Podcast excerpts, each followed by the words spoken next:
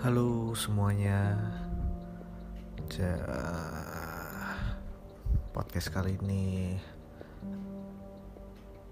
akan sedikit berbeda karena episode ini aku pengen berbicara tentang pengalaman misteri.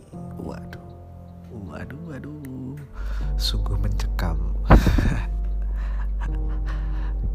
Jadi aku pengen ngomongin tentang pengalaman misteri yang aku pernah alamin di sebuah rumah.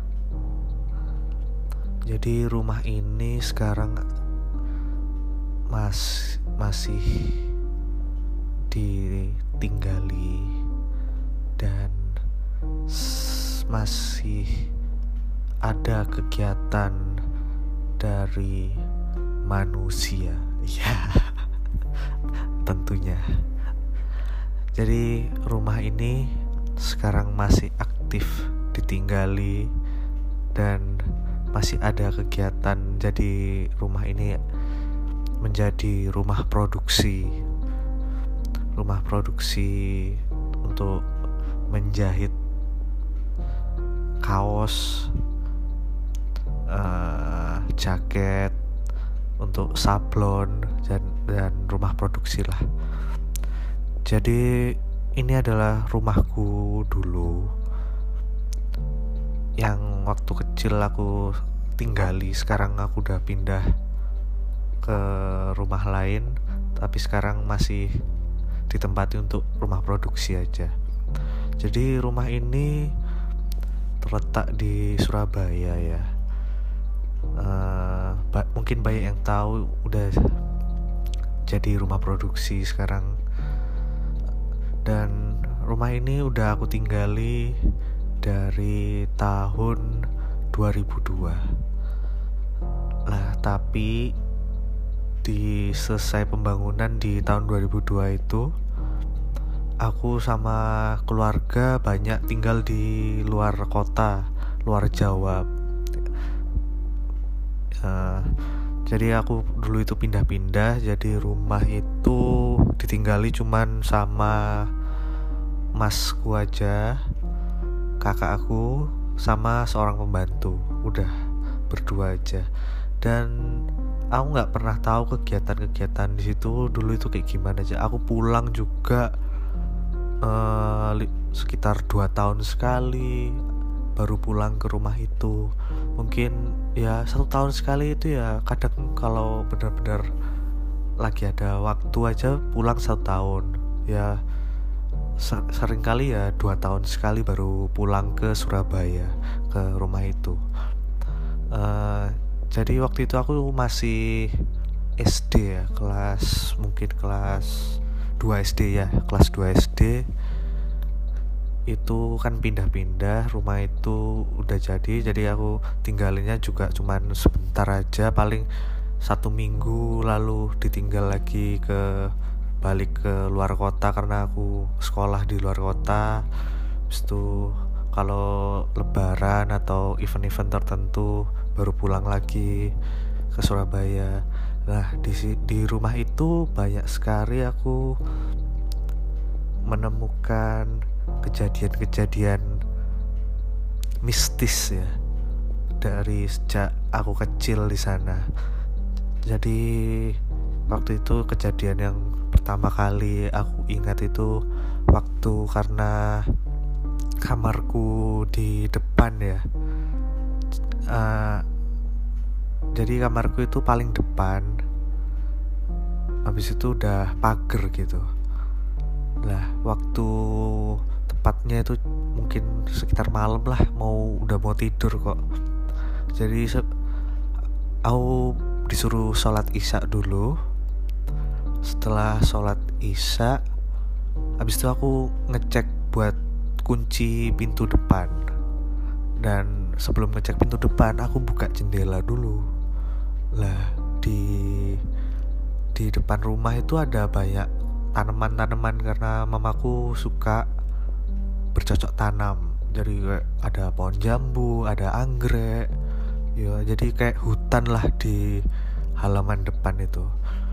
Uh, balik aku ngun apa mau ngunci pintu aku buka jendela. Terus aku itu di bawah aku lihat di bawah pohon jambu itu kayak ada sesosok sesosok mungkin makhluk ya. Karena waktu itu emang ya itu keadaan terang dan lampu banyak menyinari ya kan? tapi di situ kayak ada sosok putih rambut panjang dan karena aku mungkin baru pertama kali melihat ya lalu ya ya udah aku langsung lari aja ke kamar itu pertama kali banget aku di situ mengalami kejadian mistis melihat sosok makhluk itu. Dan untuk kemudian kemudian harinya ya aku cuman ah paling cuman karena sering lihat film horor. Mungkin karena ya itu cerita-cerita serem aja dengerin cerita serem. Jadi kayak terbawa imajinasi aja mungkin ya. Jadi terus hari-hari berikutnya aku di rumah itu sempat banyak lagi kejadian-kejadian yang aneh-aneh. Waktu aku masih SD berarti ya nih SD SMP ya aku masih di rumah situ. Jadi waktu itu sempat lagi waktu masih masih baru pindah masih pindah-pindah mudik ke Surabaya habis itu aku pernah sholat di musola. Terus ada sosok anak kecil yang lari-lari di depan pintu musola. Itu udah kayak ih ya ampun. Di gue ketahui cerita aja ini. Jadi aku kan sholat itu kiblatnya uh, jadi pintunya tuh di depan gitu. Jadi menghadap agak menghadap pintu serong gitu menghadap pintu. Jadi pas aku itu sholat kan nunduk ya itu kayak ada anak-anak kecil banyak banyak kaki lari di depan di depan itu lewatin gitu tapi emang uh, waktu itu nggak ada siapa-siapa cuman ada pembantu sama kakak aku aja di sana waktu itu aku ingat banget terus aku ngomong aku tanya ya kan siapa itu tadi? Ya kan ada orang tak gitu. Uh, tapi awalnya itu apa rumahku itu nggak pernah ke buka gitu nggak pernah ada orang lain masuk. Jadi ter selalu terkunci kalau emang misalnya ada orang di dalam pun atau nggak ada orang selalu terkunci lah pokoknya pagernya nggak pernah ada orang masuk. Jadi kayak apa Wih, merinding aku cerita aja jadi ada sosok anak kecil ya. Aku mungkin cuman melihat sekelebatan kakinya aja. Ya dan kelihatan ada bayangannya ya. Itu ya anak-anak kecil mungkin sekitar dua tiga orang lari di depan lu. Tapi tapi nggak pernah nggak pernah nggak ada anak kecil lain di sana di rumah itu waktu itu emang lagi orang tua lagi keluar sama adik juga lagi keluar. Jadi nggak mungkin ada siapa-siapa juga cuma ada kakak sama pembantu aja. Terus kejadian lain juga uh, oh pernah waktu tidur di kamar aku di kamar. Di kamarku itu uh, ada kamar mandi dalam ya yang jarang banget aku pakai karena aku dulu itu takut banget di kamar mandi. Waktu malam-malam. Nggak tahu kenapa. Maksudnya kan tidur kamar gelap gitu. Kamar mandi juga gelap takut banget. Selalu ke kamar mandi di kamarnya orang tua. Karena takut banget suah gelap. Nah dan dulu waktu jadi waktu itu aku pernah mengatasi ketakutanku di dalam gelap itu saat tidur malam aku memakai lampu tidur yang cuman hidupnya tuh kuning gitu aja. Cuman ya uh, sedikit cahaya lah. Tapi ya masih kelihatan. Jadi waktu aku tidur itu uh, mau kamar mandi nih ya kan? Kamar mandi di dalam kamar. Terus uh, waktu aku ngelihat ke atas itu wih ada sosok hitam matanya merah. Wih langsung aku itu udah pokoknya itu paling takut banget aku ngelihat itu. Masih teringat jelas nggak tahu apa ya. Itu kayak di atas pintu kamar mandi. Aku buka pintu kamar mandi pintu kamar mandi itu gre apa geser geser geseran gitu loh jadi aku buka pintu kamar mandi krek geser ke kanan. Terus pas lihat ke atas sebelum nyalain lampu itu ada mata merah yang memandang aku. Ada rambut-rambutnya juga. Langsung aku lari. Setelah itu menangis. Itu karena ya namanya anak kecil ya melihat itu. Ya sampai nggak takut kan semenjak itu aku minta pindah kamar. Jadi kamarku itu udah nggak aku nggak kamar di depan jadi aku pindah ke kamar atas. Jadi rumah itu ada dua lantai ya. Aku kamarku di depan. Terus karena kejadian itu melihat hal-hal tersebut kan uh, yang awalnya tadi lihat ada sosok wanita di pakai baju putih rambut panjang di depan pagar di pohon jambu terus habis itu lihat di kamar mandi ada sosok yang natep aku matanya merah rambut panjang gimbal gitu. Langsung aku minta pindah pindah kamar lah ke atas. Terus setelah aku pindah kamar di atas itu pokoknya setelah kan aku pindah kamar di atas itu aku kira akan baik-baik saja. Ternyata tidak ada lagi gangguannya. Aku aku tidur itu selalu sendiri ya karena nggak tahu kenapa ya pengen tidur sendiri aja gitu. Enak kamar milik sendiri tidur tempat tidur luas ya. Setelah aku pindah di atas di atas itu jadi aku tuh bener-bener sendiri. Cuman ada kamar pembantu sama sama pemba, kamar pembantu juga jadi kamarku kamar kosong sama kamar pembantu satu. Ya di atas. Jadi aku di atas itu sendirian tidur dan bener-bener terganggu dengan suara-suara di loteng. Jadi kayak ada mungkin nggak tahu ya ini mungkin aku aku ya berpikir positif aja dulu itu. Kayak uh, mungkin ada tikus atau ada kucing gitu. Tapi itu setiap hari setiap malam ada suara-suara di loteng itu kayak ada kayak buk buk buk buk buk buk buk buk, buk gitu kayak lari-larian gitu loh.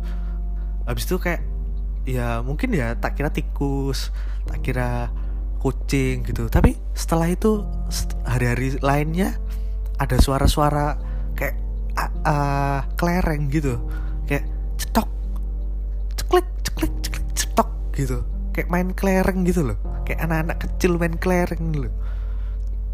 Jadi kayak ih ampun ada lagi itu. Dan itu setiap malam pasti ada suara-suara kayak gitu. Itu udah ya itu mungkin aku pindah di kamar atas itu sampai uh, ke SMP ya. Uh, eh, SMP ya SMP jadi ya mau nggak mau gangguan-gangguan kayak gitu tetap dihadapi dengan positif aja kan. Tapi ya suara-suaranya agak aneh emang. Terdengar aneh tapi ya berpikiran positif aja. Karena udah ya mungkin ego sudah beranjak dewasa biar tidak dipandang penakut. Lalu ya pura-pura positif tapi ternyata dalam hati ketakutan sering banget aku nggak bisa tidur ya pokoknya. Di malam hari sampai hmm, pokoknya itu SMP dan setelah pokoknya hmm, aku pindah dari rumah itu SMP kelas 3 pindah rumah uh, karena nggak karena takut ya karena ya emang pindah rumah aja gitu. Jadi rumah itu kosong itu udah lama banget. Ada tik, tik, aku SMA 3 tahun rumah itu kosong. Cuman dateng itu paling dua minggu atau tiga minggu sekali buat dibersihin disapu dipel. Dan ya udah kayak gitu aja seterusnya. Kadang juga kalau lagi males ya satu bulan dua bulan kosong. Itu sampai berjalan sampai aku tiga tahun lulus SMA lah setelah lulus SMA itu ada uh, temennya kakak yang mau ngontrak rumah itu. Jadi ya biar emang pikirannya ya emang biar nggak kosong aja rumah itu. Daripada kosong mending dikontrakin ya kan rumah itu. Jadi rumah itu itu dikontrakin uh, sama temennya kakak tinggal berdua sama ibunya. Jadi ibunya sama ada anaknya satu gitu. Udah udah dewasa ya dari anaknya. Udah uh, umur 30-an lah pokoknya. 20 30 waktu itu. Dan waktu di waktu dia ngontrak rumah itu dia cuman ninggalin rumah bagian bawah aja karena kan emang tinggalnya berdua. Terus ya nggak nggak perlu pakai ruang yang lebih kan untuk dua orang kan. Jadi lantai atas itu dibiarin kosong emang jarang dibersihin. Lalu ya lampunya juga kadang-kadang dinyalain kadang-kadang nggak lupa nggak dinyalain gitu. Jadi bener-bener kosong lah. Jadi yang dijamah manusia ya di lantai bawah aja. Terus dia sering banget cerita banyak-banyak uh, ya kegiatan kegiatan mistis itu ada maksudnya uh, dia mengalami gangguan-gangguan gitu. Gangguan dari sosok-sosok atau makhluk-makhluk itu di rumah itu. Jadi dia melihat ada di atas itu uh, kayak ada yang ngeliatin sosok wanita ke bawah gitu. Habis itu ya itu sholat juga ada yang lari-lari. Sosok anak kecil itu tetap ada. Dan sosok wanita itu emang yang di aku lihat itu kayaknya emang ada gitu ya kan lalu uh, itu cuman ya gangguannya cuman kayak gitu aja. Jadi oh ini aku baru ingat dia pernah cerita di waktu sholat itu kan uh, dia lagi sendirian di rumah. Lalu waktu sholat dia tuh di kayak didorong gitu dari belakang. Dia sampai jatuh ke depan gitu. Nggak tahu ini, beneran tapi uh, orangnya cerita beneran dia mungkin nanti uh, bisa di datangkan orangnya untuk cerita lebih lanjut tentang rumah ini.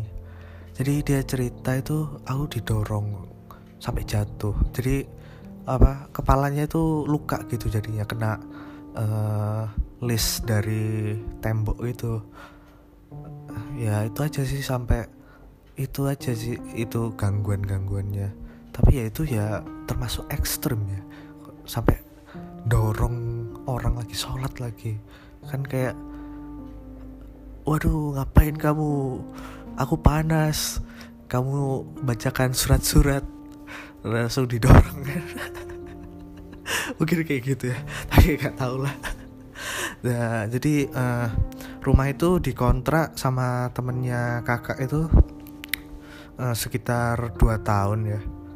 Karena setelah itu dia pindah lagi dia pindah dan karena aku itu punya usaha konveksi pada waktu itu dan mm, ma mau cari tempat daripada nyewa tempat aku persiapin rumah itu buat uh, aku buat rumah produksi gitu ya kan? Uh, tapi sebelumnya kan persiapannya banyak banget gitu. Jadi rumah itu setelah ditinggal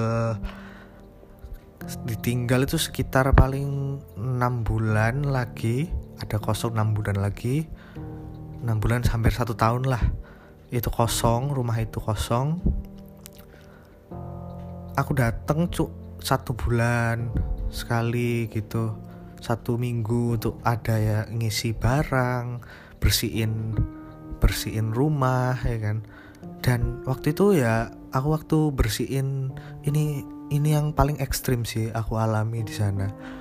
Jadi aku bersihin rumah ke sana sendirian buka pagar masuk pintu rumah assalamualaikum gitu kan masuk rumah lalu ada aku masuk itu di atas tuh ada yang ngeliatin aku. Jadi aku tuh sadar aku aku diliatin aku awalnya tuh aku lihat tapi aku cuman sok-sok berani aja langsung ke dalam ambil sapu buat nyapu ya kan. Kayak aku tuh kayak jadinya udah kebal gitu loh karena udah saking seringnya ya kan ya jadi aku diliatin aja aku kerasa banget diliatin di atas itu. Padahal rumah itu kosong uh, posisinya waktu itu. Jadi udah nggak ada yang ngontrak di situ. Kosong bener-bener kosong. Aku yang bawa kunci gitu. Aku bersihin dia masih ngeliatin aja. 10 menit aku nggak tahan. Jadi aku tuh taruh sapunya. Habis itu aku keluar kan. Aku keluar buat sebat dulu ya kan biar biar tenang ya kan. Sebat dulu di luar. Jadi pintunya tuh aku buka ya kan. Pokoknya pintunya tuh aku buka semua ya kan. Itu posisi aku jam 4 sore eh jam 3 sore jam 3 sore mungkin. Habis asar aku ke sana. Uh, jadi aku bersihin itu sore sore uh, itu aku aku kan karena ketakutan aku sebat dulu di luar terus habis sebat masuk lagi buat ambil uh, mau naruh sapunya mau naruh sapu ke dalam gitu ya. Kan sapunya tadi nyapu nih ceritanya. Nyapu keluar sapunya di luar mau tak mau aku masukin ke dalam. Pas aku mau masuk melangkah ke pintu depan masuk ke dalam dia ketawa. Dan itu itu menggema satu rumah. Aku kepala aku sampai wih sampai ke ubun-ubun kepala ke atas kepala ini kayak wih puarah ketakutan. Itu titik ketakutanku yang paling tinggi banget. Jadi kayak sampai ru satu rumah itu kayak menggema gitu. Dan em it, asal suara itu emang dari dalam rumah itu. Gitu. Ih, aku sampai merinding ceritanya. Aku inget-inget itu. Setelah aku mendengar itu pokoknya aduh merinding beneran deh. Aku diketawain itu langsung aku aku lempar sapunya aku lari keluar kan. Belum aku tutup pintunya ya kan. Aku lari keluar tengok kanan kiri kok gak ada orang ya kan ya. Gak bisa ngomong sama siapa siapa ya kan. Aku telepon lah temanku ya kan. Bro sini dong bro ya kan. Tolong ya kan. Kenapa ya kan? Dia tanya gitu. Udah gak apa-apa ke rumahku yang dulu. Dia tahu rumahku yang dulu kan. Ke rumahku sini ya aku telepon gitu. Kenapa sih? Gitu tanya kayak gitu. Kepo kan. Tiba-tiba telepon suruh ke rumah aku panik kayak panik lagi. Habis itu 15 menit aku itu pokoknya di luar terus liatin kanan kiri kayak orang bingung. Setelah dia dateng ya kan barulah aku dia tuh tanya kenapa? Ya kan? ada apa? Oh nggak apa-apa nggak apa-apa. Bentar ya tunggu. Ngapain? Aku cuman aku mau ngunci pintu bentar. Habis itu kita cabut dengan ke warung gitu jadi aku setelah temanku datang aku baru berani untuk ngunci pintu itu. Jadi pintu rumah aku aku memberanikan diri kunci aku nutup pintu brak pintu depan aku kunci pintunya langsung cabut ke warung. Dan baru aku ceritain itu ke temenku gitu. Ya mungkin ya gimana ya? Aku bener-bener ini itu kejadian yang aku alamin sampai bener-bener uh takutnya itu setengah mati sampai ke kepala aku rasanya sampai wih tung tung ya ampun. Ingetnya ingetnya aja sampai merinding aku ini. Jadi uh, setelah itu aku nggak berani sama sekali ke rumah itu sendirian walaupun cuma bersih bersihin nyapu. Dulu emang kalau udah diliatin dia emang sering banget ya. Yang sosok di atas itu yang wanita itu yang di uh, udah dilihat sama temennya kakakku yang pernah ngontrak di situ itu udah sering banget emang kayak dia cuma ngeliatin aja. Ngeliatin kayak ngeliatin orang di bawah gitu. Ya kerasa banget diliatin sama diliatin diliatin sama orang gitu masa bukan orang sih. Diliatin itu kerasa banget kan. Habis itu kita ngeliat ke atas juga ada ada sesuatu itu ya kan di situ. Habis itu nanti udah habis itu beberapa saat hilang ada ada lagi ngeliatin ya kan. Itu kerasa banget ya kan. Aku ya juga kalau datang ke situ datang ke rumah itu bersih bersih dia lewat di atas itu sekelibetan lewat oh udah kayak kebal lah. Dia nungguin di situ di satu titik dia di atas di balkonnya itu ya ya udahlah gitu loh. Tapi sampai dia ketawa satu rumah menggema itu aku kayak ih ya ampun ini udah nggak bisa dibiarin gitu. Udah bener-bener takut banget aku. Tapi ya yang paling emang yang paling sering sosok keluar itu ya wanita itu sama uh, anak kecil ya biasanya. Emang di situ aku yang aku dan ada tem, uh, temennya kakak yang pernah ngontrak di situ itu itu emang ceritanya sosok sosok itu wanita sama anak kecil gitu. Terus uh, aku kan itu persiapan untuk uh, membuat rumah produksi ya. Di situ ada aku masukin mesin jahit aku masukin ada alat-alat lainnya sablon ya kan. Itu dibantu sama teman-temanku dan aku nggak pernah aku nggak nggak cerita cerita ya ke teman-temanku yang lain. Cuman ada ada beberapa aja yang aku, aku teman deketku yang aku ceritain kalau tentang rumah itu. Jadi teman-temanku yang lain nggak nggak pernah aku ceritain. Tapi mereka juga kayak memang merasakan sesuatu hal yang aneh auranya aneh di rumah itu. Sampai ada di suatu saat di rumah itu udah bersih udah dibersihin udah aku bersihin sama teman-temanku udah uh, rumah itu udah terisi untuk siap untuk jadi rumah produksi konveksi ini. Ada uh, seorang penjahit di situ. Ya kan lihat rumah itu dia dia tuh ngomong kok panas ya mas ya? Gitu. Di di atas kita lagi ngobrol-ngobrol di atas di di atas langsung dia ngomong kok panas mas ya? Oh iya udaranya panas emang gitu. Dan dia pokoknya udah uh, udah lagi ngobrol-ngobrol gitu kan selesai kita tinggal ya. Dan rumah itu ditinggali lah sama penjahit uh, pekerja lah ya kan. Adalah orang yang ninggalin selama kegiatan produksi itu di sana. Jadi emang ditinggali oleh penjahit dan pekerja-pekerja lainnya di sana ya. Tidur sana udah kan ya. Habis itu mereka itu banyak yang komplain gitu.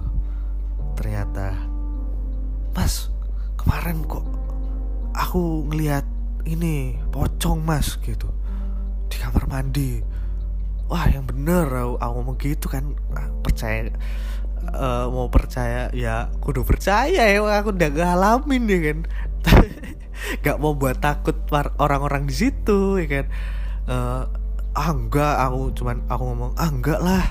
Paling cuman halusinasi aja lagi capek mungkin ya kan. Ya udah nenangin gitu kan dengan berusaha nenangin ngomong.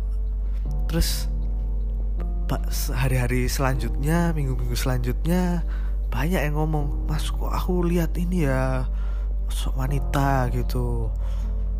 Ini sering lewat pas aku tidur lewat depan kamar gitu. Kan karena tidurnya itu di kamar atas gitu ya. Nah, setelah itulah aku cerita ke temenku aku pengalamanku emang dari kecil itu udah di rumah itu ada banyak gangguan-gangguan ya kan? Di rumah itu aku yang aku alamin. Setelah cerita itu aku udah cerita ya kan? Uh, banyak komplain lah dari para yang pekerja yang tinggal di situ. Lalu aku ada temen yang bisa mengatasi klinik-klinik gitu ya kan? Ya aku nggak tahu ya itu gimana caranya kan? Ya adalah ya orang pinter lah mungkin lah yang bisa disebut pinter. Karena nilai matematika yang bagus mungkin ya tahu. Ya itulah. Pokoknya ya dia bisa lah katanya me mencairkan suasana di rumah itu. Uh, jadi aku aku tuh tanya ke ke dia ya kan gimana nih? Kan dia lihat rumah itu. Wah aku aku sebelumnya nggak nggak cerita nih kan. Emang ini temen temen di kuliah. Di temen di kuliah dia belum emang nggak pernah tahu rumah itu ya kan? Nggak kan karena aku nggak tinggal di situ juga ya. Jadi nggak pernah tahu rumah itu kan. Aku jadi aku bawa ke sana. Cuman tak aku tanyain dengan gimana menurutmu rumah ini gitu. Dia langsung bilang wah rumah ini kayaknya banyak banget ya. Dia ngomong kayak gitu tiba-tiba. Loh banyak apa ya kan dia kok suasana suasananya nggak enak dia ngomong kayak gitu. Langsung lah aku baru cerita itu. Kejadiannya kayak gini gini gini ya kan? Ada ada emang banyak nggak tahu dari mana asalnya ya ada aja. Emang di rumah itu.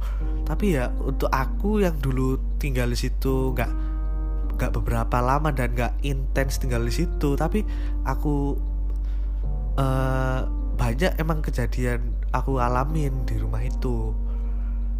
Dan uh, setelah aku cerita ke temanku itu dia mengusulkan buat aku bisa nenangin ya kan? Biar apa biar ya aku pindahin gitu dia ngomongnya kayak gitu. Ah yang bener ya kan? Iya coba dulu ya kan? Emang anak ini ya anak dari apa ya? Mungkin ya emang bis bisa dibilang apa ya? Kayak bisa melihat iya. Nggak tahu kalau bisa uh, aku nggak nggak bisa ngomongin lebih lanjut tentang skill dari orang tersebut.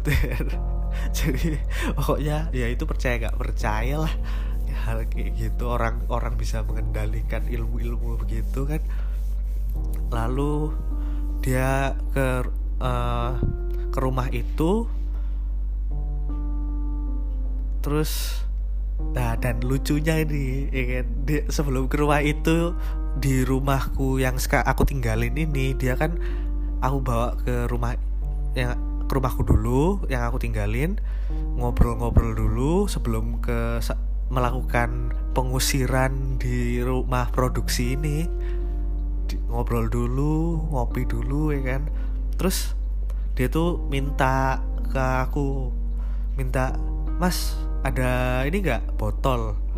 Botol kaca deh gitu kan atau plastik gak apa-apa ya kan. Wah nggak ada botol ya kan. Adanya ini tupperware gitu. Yaudah nggak apa-apa pakai tupperware aja Tem uh, ini tempat biskuit gitu kan. Wah buat apa ya kan. Jadi aku dulu kan dia juga sering lihat uh, acara-acara dunia lain gitu ya dia hantunya dimasukin ke dalam botol. Aku kira itu cuma gimmick-gimmick aja. Cuman buat seru-seruan hantunya dimasukin botol. Ternyata dia ngomong emang hantunya mau dimasukin situ. Jadi sosok sosok yang ada di rumah itu mau dipindahin ke toples itu ke tupperware itu jadi bener-bener gak masuk akal gitu loh. Toples yang uh, nyatanya itu dibuat untuk jajanan yang untuk kamu nikmati untuk kamu makan jajannya itu. Kamu uh, dialihfungsikan untuk me, men, apa jadi tempat untuk menampung setan. Itu yang lucu banget. Tapi ya mau gimana ya? Udahlah ya kan ya. Asal bisa uh, dipindahkan dan gak ada gangguan-gangguan lagi ya kan. Ya ya udahlah inilah. Aku kasih kan toplesnya. Kita ke sana. Dan dia melakukan meditasi di jadi di rumah produksi. Udah disampaikan di rumah produksi dia melakukan meditasi di sebuah kamar di di lantai atas. Jadi dia meditasi sendirian di sana. Kita nunggu di ruangan luar tapi di lantai atas juga. Dia di kamar sendirian. Nggak tahu ngapain. Lama banget. Ada sekitar dua jam mungkin. Dia sendirian di sana nggak dan di dia sendirian di sana itu suara dia tuh ada suara-suara aneh gitu loh. Jadi kayak dia di dalam kamar itu kayak kayak ngomong sendiri gitu. Nggak tahu baca apa ya kan.